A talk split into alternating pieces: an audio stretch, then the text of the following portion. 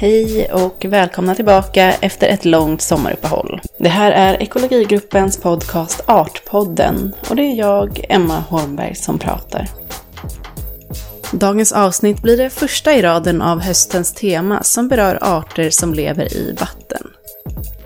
Jag kommer att, med hjälp av inbjudna gäster och ekologigruppens experter inom vattenvård, att lyfta fram några av de organismer som lever under ytan.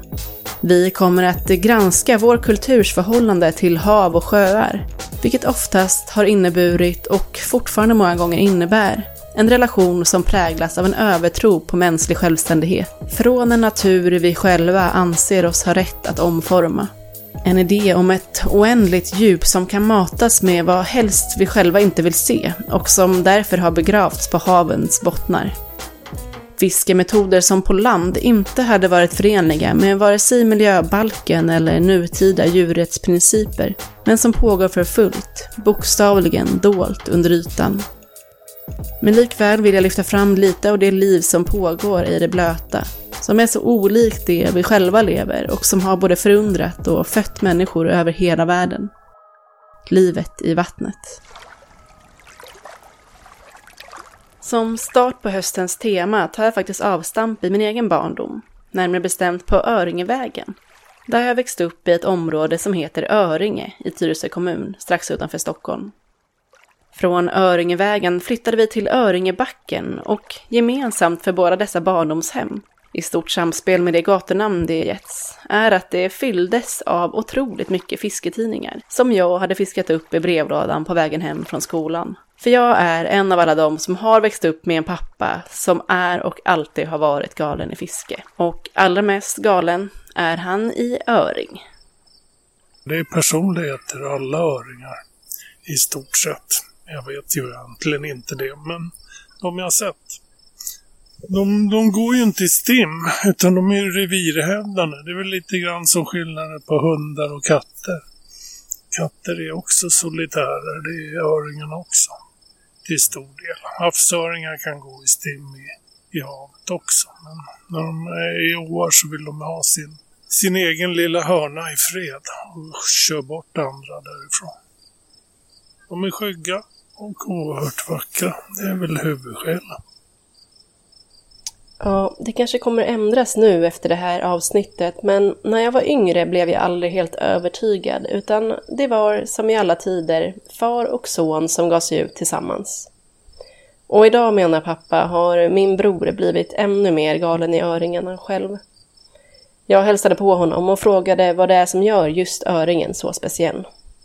Det är lite svårt att förklara, men det är väl lite, för en stockholmare så finns det inte så mycket öring här i trakterna så att den blir lite speciell bara av den anledningen.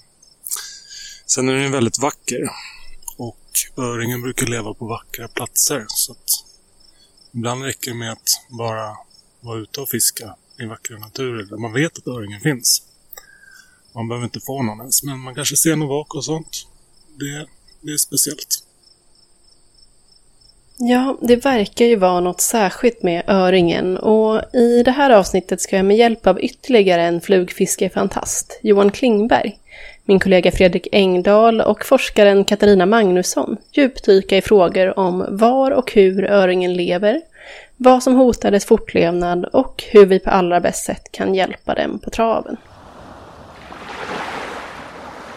Men först och främst så tänkte jag klargöra lite kring arten öring för som ni har sett redan i namnet på dagens avsnitt så går ju öring under det latinska namnet Salmo trutta. För vissa kanske salmo låter bekant, men kanske mer bekant tillsammans med artepitetet salar. Salmo salar är ju det latinska namnet på det vi brukar kalla för lax. Och laxen är öringens närmsta släkting. Både öring och lax är så kallade laxfiskar, vilket är en familj bestående av tio släkten med minst 200 arter. I släktet Salmo så finns faktiskt bara öring och lax. Gemensamt för alla laxfiskar är att de i huvudsak växer upp i havet, ibland också stora sjöar, men sen så vandrar de för att para sig i framförallt strömmande sötvatten. Idag fokuserar vi som sagt på öring, men eftersom lax och öring har mycket gemensamt kommer även laxen att nämnas då och då. Och jag kan redan nu avslöja att nästa avsnitt av Artpodden kommer att ägnas helt och hållet åt lax salmosalar. Hur som helst, nu tänkte jag låta min kollega Fredrik, som är vattenbiolog här på Stockholmskontoret, att berätta om varför vi ofta fokuserar på just laxfiskar, såsom öring och lax, när vi diskuterar vattenvård. Ja, det finns så många olika anledningar till att man tittar på just dem. Dels är det det här att väldigt många är intresserade av dem. De är intressanta sportfiskar, matfiskar och historiskt sett så har de varit, varit väldigt viktiga. Mm. Eh, just att man ska kunna fiska på dem. Men sen är det också så att de har en väldigt viktig roll i ekosystemet. Om man tar till exempel Norrlandsälvarna och sådär som generellt är ganska näringsfattiga. Kommer uppifrån fjällen och, och det är liksom inte så mycket näring så de djur som lever i vattendragen de, ja, de behöver näring. Det kan vara ganska näringsfattigt. Och då fungerar de här havsvandrande arterna som, som någon slags näringspumpar kan man tala om. Liksom att de tar sig ut i havet, äter så att de går upp ja, jättemycket i vikt. Kan, de kan bli hundra gånger större liksom, mm. via näring från havet. Och sen så tar de med sig den näringen i sig själva så att säga, simmar upp igen tillbaka till de här mer näringsfattiga miljöerna och leker då. Men sen blir de ju mat till andra fiskar och, och till eh, även däggdjur på land till exempel på vägen. Eh, och den näringen som de bär på då den tillfaller ju vattendraget genom att de blir uppätna av ja, men, eh, djur i, i vattendraget. Men sen är det också så att de, de landlevande djuren till exempel då som äter av laxen de ja, rör sig på land främst. Och deras avföring då den tillkommer ju landmiljöerna där. Så de träden till exempel som finns vid vattendragen då de tillförs en massa näring. Det kan vara ganska stor andel av näringen de får i sig som kommer ursprungligen från lax. Okay. Och eh, då får man en härlig liten cirkel där kan man säga när, när de här träden då växer sig stora på näringen från laxen och när de är stora och gamla kanske då så trillar de och hamnar i vattendraget och då kommer ju dels näringen tillbaka när trädet bryts ner mm. men också att de här träden när de hamnar där blir ståndplatser för fisk och sådär. Och de kan också säkra så att eh, det här lekgruset som finns på botten då, där laxen leker, att det stabiliseras och inte spolas bort på vissa platser. Okay. Så det är liksom en cirkel av eh, positiv eh, förändring där kan man säga.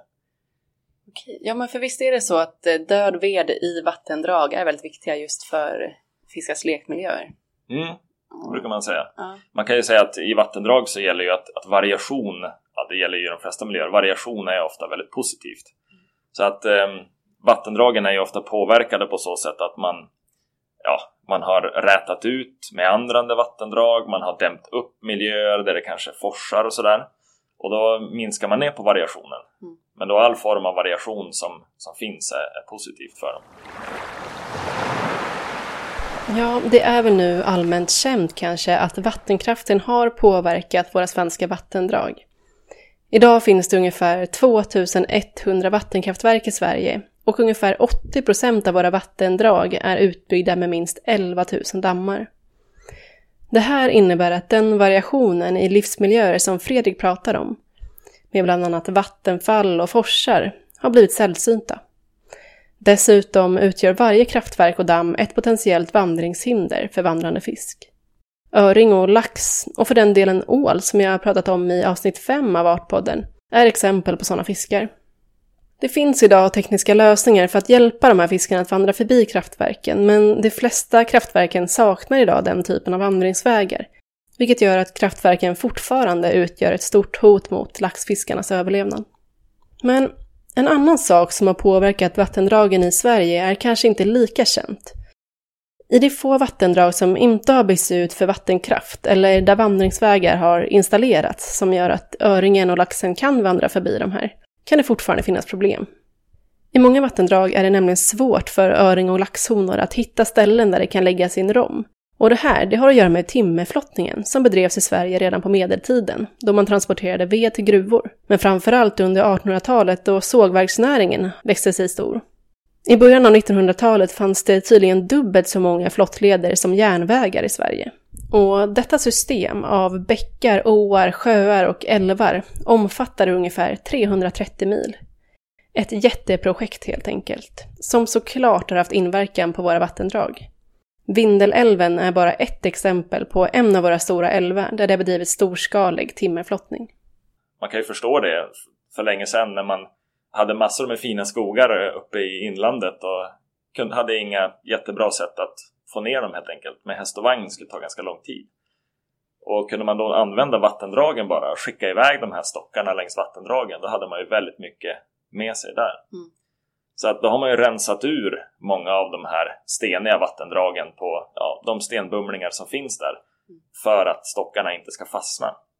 Och den här rensningen har ju ja, tagit bort mycket av den variationen man vill ha.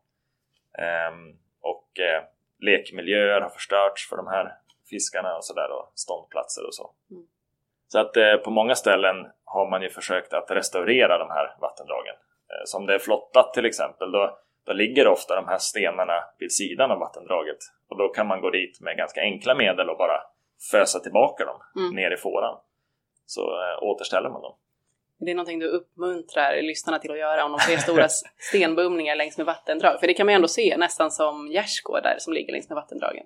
Ja, det kan man ju se. Um, om man vill engagera sig i sådana saker så tycker jag att då kan man höra av sig till fiskevårdsområdet eller till Länsstyrelsen och, och komma med de förslagen. Mm. Så kan man diskutera. Det kan ju vara så att det finns andra ställen i närheten där det kanske är ännu viktigare och att det är bättre att lägga krutet där. Och är det någon som vet vad man ska lägga krut på att förbättra öringens levnadsmöjligheter så är det forskaren Katarina Magnusson som arbetar på enheten för vandringsfisk vid SLU. Jag bad henne berätta mer om vilka hot öringen står inför idag och vad som är viktigast att genomföra för att hjälpa öringen att fortleva.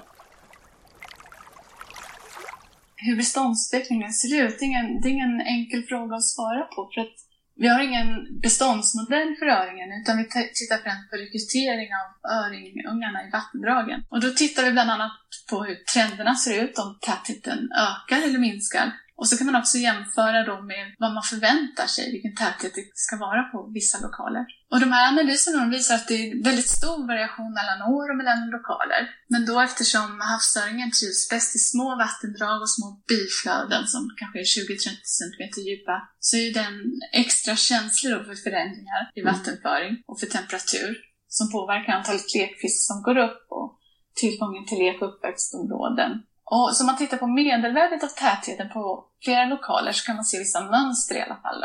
På västkusten så har vi sett lite minskande tätheter under åren 1990 till 2018. Mm.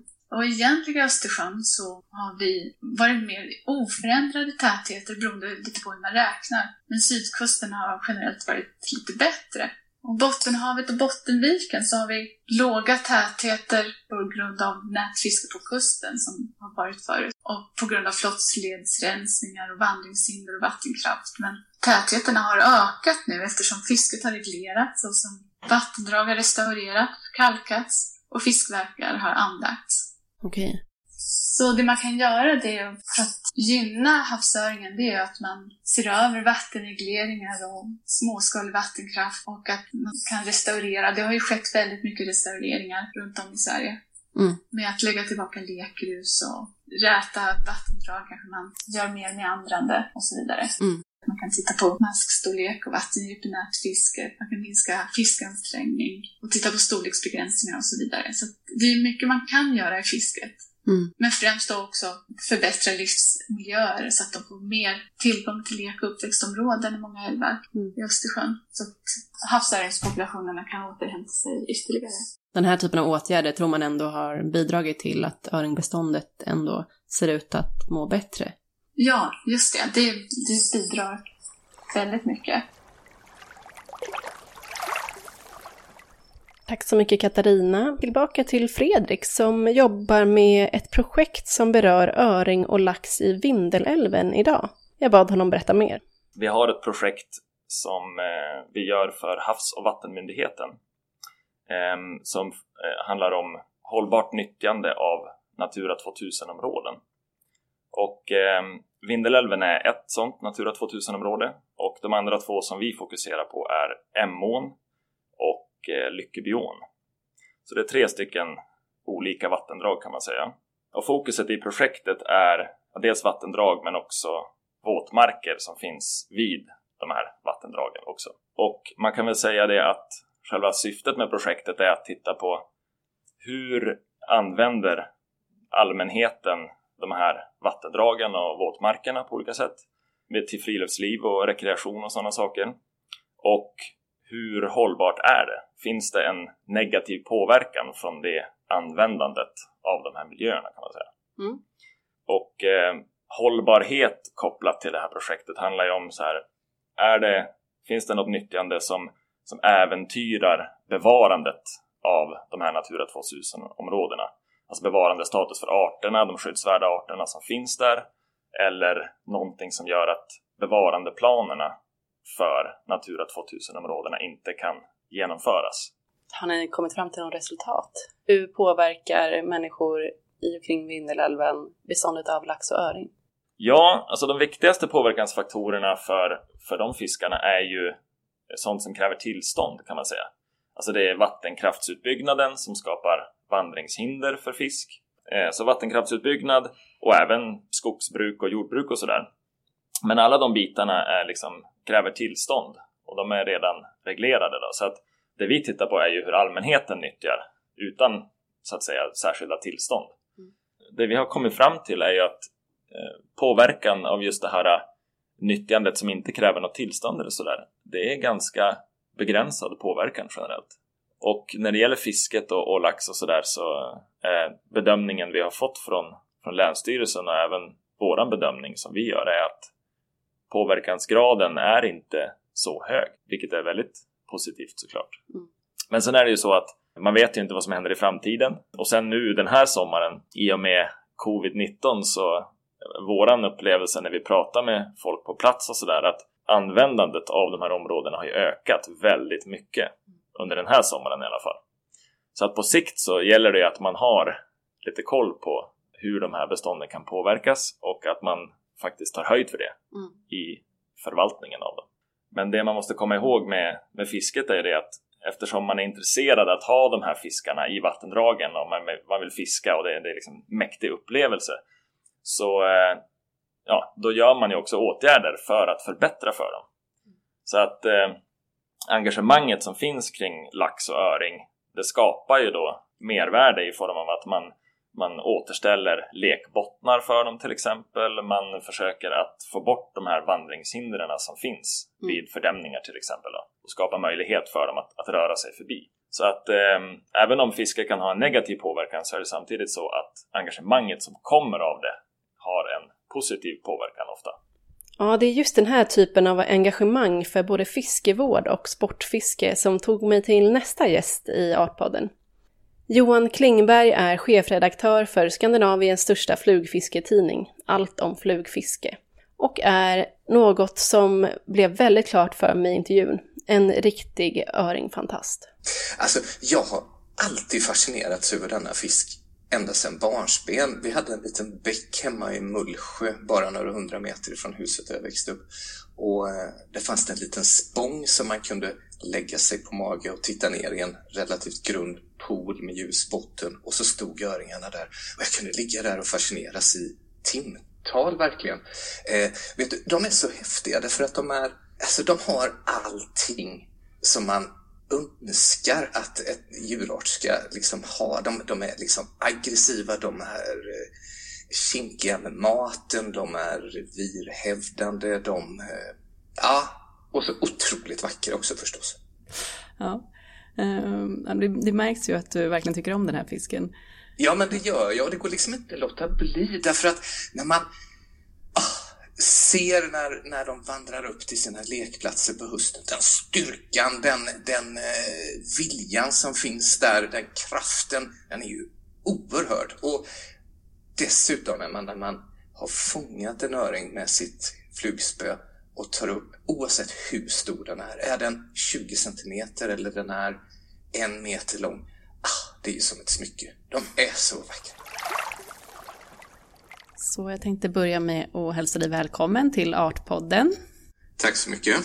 Jag har blivit tipsad av dig egentligen från lite olika personer som är sportfiskare, men då framförallt av min pappa som har varit ute tillsammans med dig och, och fiskat främst öring.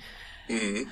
Och han menar ju att du är liksom öringexperten i Sverige. Ah, det vet jag inte, men, men jag har ett väldigt, väldigt stort intresse utav öringen, både som eh, art och eh, naturligtvis att fiska efter. Då tycker jag så här, vi kan väl inte börja med att du, du får gärna berätta för mig om öringens livscykel. Ja, men precis. Alltså, det är ju så här, bara för att göra det här lite sådär eh, överskådligt. Man skulle ju kunna utgå ifrån att öringen i första hand är en havsvandrande fisk, alltså havsöringen som då lever sitt liv ute i havet och eh, simmar upp under hösten, eh, lite beroende på var man är i världen. Men man skulle kunna säga här i Europa så, så sker det här någonstans under ja, september, oktober, till och med så sent som i november. Då simmar de upp i lekbäckarna och lägger sin rom och befruktas av hannens mjölke. Och honan, vet du, när hon simmar upp där, eh, hon liksom grä, slår med stjärten, gräver en liten eh, grop kan man säga. I, eh, det ska ju vara speciellt grus för att, eh, för att det ska vara lämpat. Och så lägger hon sin rom där och under tiden så sköljer då hannen sin mjölke över rommen. Och sen så brukar de rufsa till det där lite grann så att romkornen åker ner emellan stenarna. Men där är det ju viktigt, det får inte vara för tätt grus utan det måste liksom vara så att det kan eh, rinna vatten igenom och syresätta det här under hela vintern. Och eh, där ligger nu rommen genom januari, februari, mars och någonstans fram i maj månad. Då kläcker rommen och eh, så får vi de här små, små öringarna med kvar sin gulsäck då med eh, ja, Eh, den näring som de behöver den första, den första tiden. Och redan där, i det här skedet, jag menar det kläcker ju, det är hundratals smöringar som kläcker i, från den här rombädden. Och när de sen har gjort det, då börjar nästan direkt det här beteendet att hitta ett eh, näringsområde, en, en ståndplats där de ska stå för att hitta sin mat. Och den försvarar de den skyddar dem. Och det beteendet att skydda sin ståndplats, det har de alla redan ifrån första dagarna skulle man kunna säga. De vill ju liksom ha sin matplats i fred och i strömmen så rinner ju maten, maten följer ju med strömmen. Och ju bättre matplats man har, desto mer mat samlas i en liten linje i strömmen ner emot där fisken står. Och där vill de ju inte släppa in någon annan, utan de vill liksom ha den här maten för sig själva. Och det beteendet, det innehar de resten av livet. Förlåt, nu får jag vara med här. De ja, vandrar ja. från havet in till, eller hur går den här vandringen till? Nej, men ifrån havet så söker sig öringen upp till sina lekbäckar och väldigt, väldigt ofta Emma, så är det så att de söker sig tillbaka till den bäck där de en gång föddes i. Nu är det inte helt sant, det är ju en gammal skröna att de alltid gör det. Så fungerar det inte, utan de sprider ut sig lite grann. Men en stor del av de öringarna som föddes i bäcken söker sig tillbaka till samma platsen. Och att hitta tillbaka upp till de här lekplatserna, eh, det kan ju vara sträckor som de måste simma upp för bäckar eller åar på flera, flera mil. Mm. Och de hoppar upp för vattenfall och de tar sig igenom små kvillar eller svårforcerade områden. Men upp, det kommer de till sist i alla fall. Mm. Ja, det är otroligt. Det är ju inte helt olikt ålen heller, hur den liksom tar sig förbi hinder och till slut då återvänder till sitt Sargassohav. Ja. Det är något fascinerande där. Hur... Det är fascinerande och det gäller ju faktiskt väldigt, väldigt många. Det är inte bara öringen, precis som du säger, det gäller kanske ålen och det gäller ju också andra fiskarter som har ett liknande beteende. Och det är ju så tråkigt när man tittar hur det ser ut i våra bäckar och åar med de här utbyggnaderna av kraftverk inte minst, som sätter helt stopp mm. för ingens framfart. Ja, absolut. Um, och jag tänker att vi ska återkomma lite till de här vandringshindren och hur man kan jobba mm. mot det. Men uh, om vi återvänder lite till just den här vandringen som, som öringarna gör. Det är inte så att alla rör sig ut till havet utan vissa stannar väl faktiskt inom landet och rör sig i sötvatten hela sitt liv. Precis, och det är ju det som gör öringen så speciell. Därför att om ursprunget är havsvandrande öring så är det ju precis som du säger Många av dem har blivit kvar i sötvatten och sedan istiden så har de blivit kvar i sjöar, isolerade sjöar. Men de har fortfarande samma beteende. De lever i sjön, simmar upp i bäckar eller åar och fortplantar sig där. Och Sen har det också visat sig att en hel del utav de här öringarna, oavsett om de vandrar upp ifrån sjöar eller ifrån havet, så blir de kvar i bäcken eller ån. Och det är ju ett sätt, tror man ju, för naturen att skydda arten. Skulle någonting ske i havet eller i sjön, då finns det avkomma kvar på andra ställen för att sen kunna rädda arten. Mm. Ser de olika ut då? Alltså det där handlar egentligen bara om en miljöanpassning. Eh, egentligen skulle man kunna säga att det handlar om fiskens pigmentering, alltså hudfärg. Man, de anpassar sitt kamouflage efter där de lever. Mm. Och man har faktiskt sett, det är ganska roligt, i England så såg man en spännande grej där man hade satt en öring i en damm och den var alldeles silverblank när man stoppade i den i den här dammen med klart vatten. Och den ställde sig utefter en vasskant och bara efter några dagar så hade kamouflaget ändrat sig så att den blev randig, ungefär som en abborre, för att den skulle smälta in emot vasskanten i ba- mm. eller vassen i bakgrunden. Så att det är, en, det är en miljöanpassning helt enkelt. I havet är de silverblanka när de lever där. I, stor, I sjöarna är de också silverblanka, medan de intar då det vi kallar för en mer bäcköringfärg eh, när, de, när de lever i bäckar eller åar. De blir alltså mer eh, bruna eller eh, mer kamouflerade med prickar och annat. Okay. Hm. Ja, men det där var väl en ganska bra sammanfattning av eh, livscykeln. Ja, men då tänker jag att om vi ska återgå till just din relation till öringen så, mm. så tänker jag att vi ska gå in lite på just sportfiske och flugfiske. För det är ju, ja. det är ju där du håller till. Ja. Um, och Ja, för mig som står utanför det här fiskarcommunityt så kan ju det, framför allt kanske efter lax och öring, att framstå som nästan fanatiskt. varför, varför tror du att just lax och öring skapar sån extas bland sportfiskare? Var ligger tjusningen? Ja, det är ju jättesvårt att... Alltså, jag tror att det, den, det stora svaret på den frågan, vilket gör det ännu, ännu mer komplext, det är ju att vi har alla våran anledning till varför vi tycker att det är så himla spännande och roligt. En del har det på en ganska basal hobbynivå. De fiskar några gånger per år och tycker att det är roligt med vänner och bekanta. Medan det finns de som är ute hundratals dagar på ett år, och, eller åtminstone 100-120 dagar på ett år. Eh, och eh, liksom lever verkligen för det här. Jag tror att det har, i vissa fall så har det med våran eh, medfödda jaktinstinkt att göra. Det är ett ganska snällt sätt att jaga på och eh, öringen ställer allting till sin spets. Man måste verkligen vara på tårna och man måste verkligen vara eh, medveten om vad man gör för att kunna lyckas och fånga just den där svår, svåra öringen som står under en, en gren eller under, bakom en sten eller något sånt där. Och det är väl liksom den här utmaningen tror jag som lockar väldigt många. Mm. Sen har jag också förstått att det är någonting som lockar är ju flugbindningen. Ja. Eh, att man faktiskt binder sina egna då beten som ska se ut som flugor eller sländor mm. eller andra insekter som, eh, som fisken äter. Mm.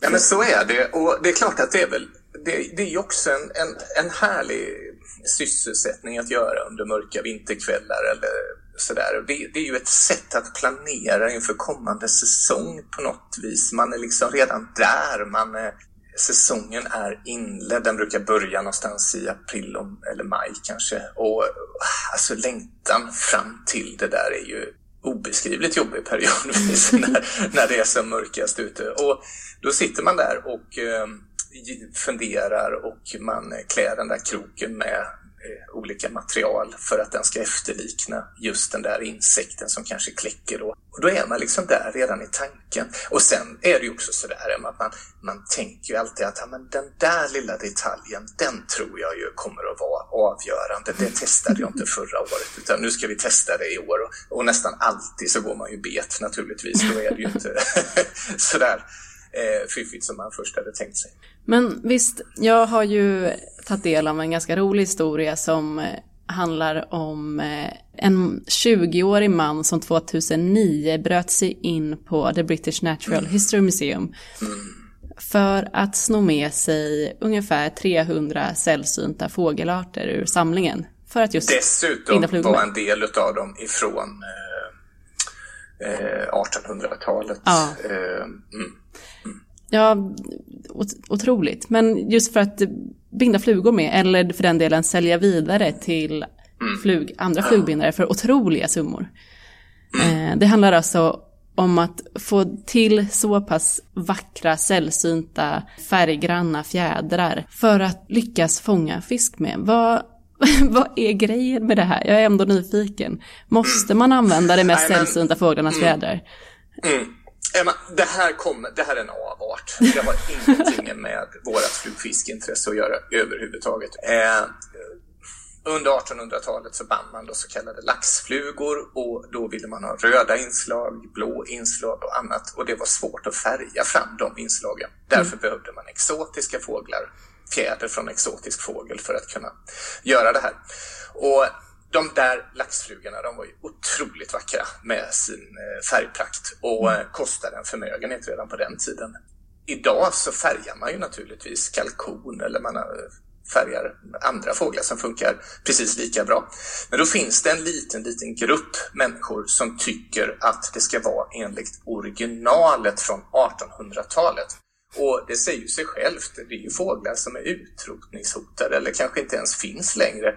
Och så ska man då hitta fjädrar ifrån de där fåglarna. Och det var det han gjorde helt enkelt. Han levde liksom all in i den där tanken. Och eh, det skrev man ju sen om eh, i den här boken Fjädertjuven, eh, hela den här historien. Och jag tycker att det är sorgligt. Jag tycker det är jättesorgligt. Det är inte vad flugfisket står för. Man, man väljer helt enkelt inte djurarter att göra sina flugor ifrån som är utrotningshotade eller som man behöver krångla med på olika sätt utan vi använder det som vi har tillgång till och det ska vara enkelt och smidigt. Ja, men det var ändå intressant att få ta del av den just fascinationen och hur lätt det är för en person som inte ens, vad jag förstod det, flugfiskar utan bara band flugorna själv.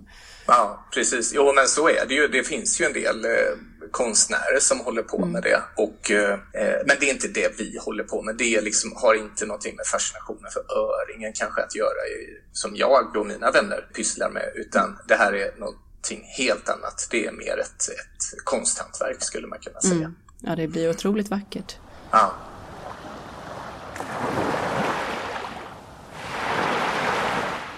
Men okej, men nu har vi då gått in på ett påverkansområde från fisket, då jakten på fåglar. Men, men jag skulle också vilja gå in på hur sportfisket egentligen påverkar fortlevnaden av det fiskar ni vill fånga. Alltså det där är ju lite knepigt, men man kan väl säga så här i största allmänhet att öringfiskare i allt högre grad har en, ett ökat intresse av fiskevård. Det vill säga att man vill, eh, samtidigt som man fångar öringarna med sina flugor, så vill man också försäkra sig om att det finns en eh, stam utav öring kvar. Man skulle egentligen kunna dra en parallell till jaktvården exempelvis, att man vårdar sina älgstammar så vårdar vi våra öringstammar. Men där har du syftet för att kunna fortsätta att fiska, det skulle man kunna säga. Sen har det nog dragit iväg, tror jag, ytterligare så att de som är oerhört intresserade har gått ifrån flugfiske till fiskevård, har nästan Många av dem har fått ett större intresse för just fiskevården och då har liksom intresset att fånga de där fiskarna blivit allt svalare skulle man kunna säga. Ja, men för det är ju ändå intressant det här. Vi har, pratat om det tidigare i avsnittet om ålen. Det blir ju samma konflikt att eh, de som många gånger är mest intresserade av att bevara den arten som vi nu pratar om är också de som faktiskt lever för att ta död på den många gånger. Eh, så, så är det och, och det kan ju verka motsägelsefullt. Men man ska också komma ihåg att om man nu tar öringen, vem är det som är intresserad av öring ute i stugorna om man inte är intresserad av att fånga den? Nej. Det är ju väldigt, väldigt få människor som... Eh, jag menar, jag som har jobbat inom skola i många år, jag har ju aldrig träffat ett barn som inte fiskar som säger att nej, öringen är mitt favoritdjur. Det, man har ju aldrig sett den så att säga. Så, så det ligger nog i det, det ligger i sakens natur helt enkelt. Att vi som är intresserade av att fånga den, att fascineras över den, ja, det är klart att det är ju där som intresset också hamnar när det gäller att bevara den. Mm. Men det som ni sportfiskare ofta gör är väl att, eh, alltså att kalla catch and release, att man fångar och sen släpper tillbaka fisken. Mm. Hur påverkar det egentligen? Tar den skada av det? Just det. Eh, man kan säga så här att catch and release i sak är en direkt nödvändighet skulle jag påstå. Det innebär ju helt enkelt att man krokar fisken, drar in den och släpper tillbaka den igen.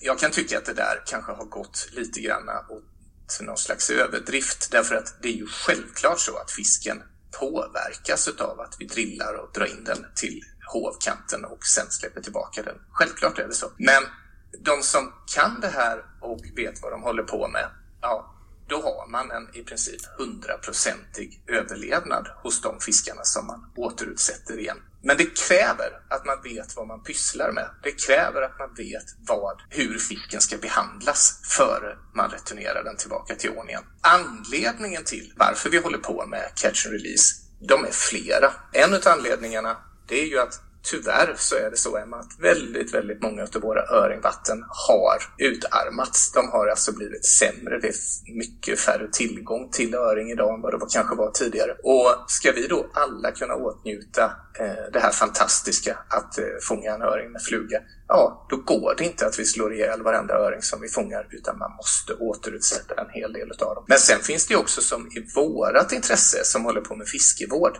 där finns det också en grej till och det är att det är det enda sättet vi kan kontrollera hur fisken mår. Det vill säga, vi fångar en fisk, vi mäter den, vi väger den och vi fotograferar den.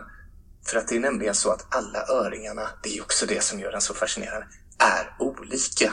Det finns ingen öring som är exakt den andra lik, så man kan liksom känna igen dem där år efter år. Okej.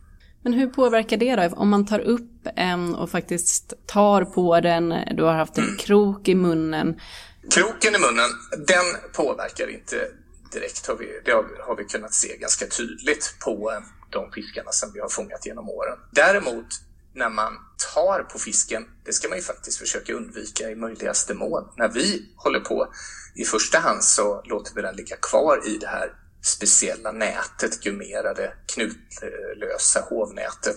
Eh, och eh, där går det ju att sen mäta den lite försiktigt och vi har ju dessutom en våg som finns i hoven så att vi kan liksom väga den direkt när vi, när vi fångar den. Mm. Däremot så ska vi ju inte lyfta upp den ur vattnet och hålla på och fotografera den och lägga den på backen eller sådär utan vi försiktigt, försiktigt och så returnerar man den eh, så fort som den har återhämtat sig ska man säga. Skulle du då säga att vattenvård och fiske går ihop? Eller finns det en konflikt mellan fiske och till exempel restaureringsmiljöer? För man pratar ju om att vattendrag som ska vara bra uppväxtmiljöer måste innehålla mycket sten, grus och död ved. Hur går det ihop med fisket?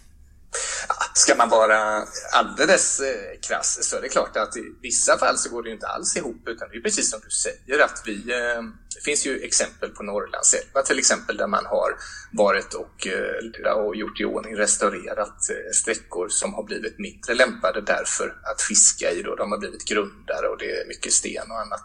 Men eh, jag, jag, tror inte att det finns en enda flugfiskare som är emot det, utan i princip alla tycker att det där är fantastiskt bra. Så att återigen, arten är viktigare än att kunna fånga dem, skulle jag tro. Mm. Ja, men en annan sak jag är intresserad av är ja, men om vi återgår till konflikten med eh, vattenkraftverk och eh, ja, fiskar egentligen, inte bara öring, men vandrande fiskarter. En ingång som jag är intresserad av, som kanske du kan svara på, är ju frågan om vilken av de här eh, näringarna som genererar mest pengar.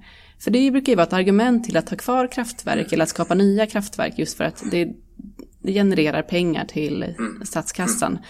Men nu när sportfiske har blivit så pass stort så undrar jag huruvida den turismen och alla de material som människor köper kopplat till just sportfiske, ifall det kanske ändå är så att eh, man måste tänka om där, vilken industri det är som genererar mest. Mm. Vad tror du om det? Alltså, eh, eh, man kan ju säga så här att det är ju bara ett fåtal kraftverk som genererar en oerhört stor andel utav den vattendrivna elen, så att säga, eller vattenproducerande elen.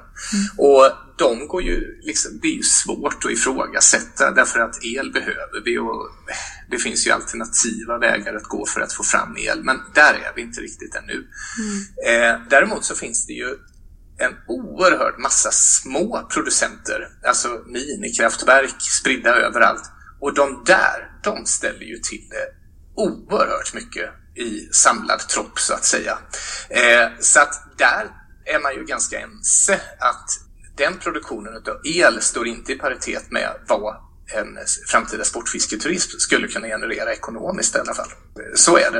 Eh, och det, man har ju börjat att dra i det här, inte minst ifrån EU-perspektiv, att eh, ifrågasätta de här minikraftverken. Och nu finns det ju starka lobbygrupper som kämpar för att man ska få behålla dem och Sportfiskeförbundet, våra sportfiskeförbund, de kämpar ju allt vad de kan för att eh, de här ska rivas ut. Då. Mm. Så, så, så det, det där är en himla balansgång. Och sen, sen kommer man till nästa grej också när det gäller miljöfrågor överlag. Om man går ut och frågar gemene man i Stockholm, Göteborg eller till och med Jönköping där jag bor som inte håller på med vattenvård eller är intresserade av de vandrande fiskarterna. Vad vill du helst ha? Vill du ha el eller vill du ha vandrande fiskarter? Då kommer ju väldigt, väldigt många tycka att elen är det viktigaste. Och där står vi någonstans. Det finns en stor grupp människor som inte liksom förstår eller som, som inte är intresserade av de här problemen. Har du något tips till eh, folk som ja, men kanske inte har fiskat förut eller är nya på bollen? Till exempel jag själv som är lite, lite så rädd eller skeptisk i och med den materialsport som fiske ändå för mig framstår som. Mm. Det, det, är ju sorgligt att det har blivit så. Fiske kan ju vara väldigt, väldigt enkelt. Man skaffar sig ett fiskespö helt enkelt och några beten och så åker man ut till närmaste sjö och eh, eh, sätter igång och fiskar. Eh, som flugfiskare, som det är det jag håller på med, så eh, finns det ju jättemycket information att hämta in både ifrån nätet, tidningar, böcker, hur man ska gå tillväga för att kunna hantera det där flugspöet. Och eh, det är ju så med flugfiske att det kräver lite, lite mer. Man måste framförallt lära sig att kunna kasta ut den där fluglinan.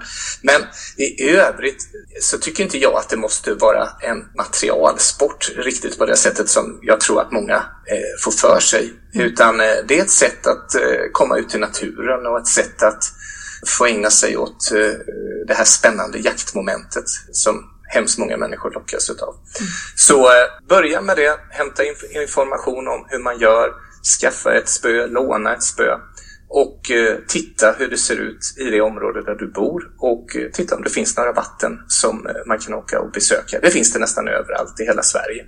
Mm. Och man måste alltså inte vara kille? Nej, det behöver man inte. Ty tyvärr så har det varit en, är det en väldigt slagsida över på, på killarna eh, idag. Men vi hoppas att allt fler tjejer ska hitta ut för att de, och de är jättevälkomna och eh, det behövs mer tjejer inom flugfisket helt enkelt. Ja men du, tusen tack för att du ställde upp på intervjun och var med. Ja, vad roligt. Jättekul Emma och eh, lycka till framöver med din podd. Jajamän, det var allt för dagens avsnitt. Men som sagt, missa inte nästkommande två avsnitt som faktiskt båda kommer att handla om lax. Det första tillsammans med laxforskaren Stefan Palm som har bra koll på vildlax i Östersjön. Och därefter med sportfiskaren och numera världskändisen Mikael Frödin som kommer att prata om odlad lax i Norge. Missa inte det! Har ni tips på ämnen att ta upp i podden så skriv gärna till ekologigruppen på Facebook eller på Artpoddens egna Instagram. Hejdå!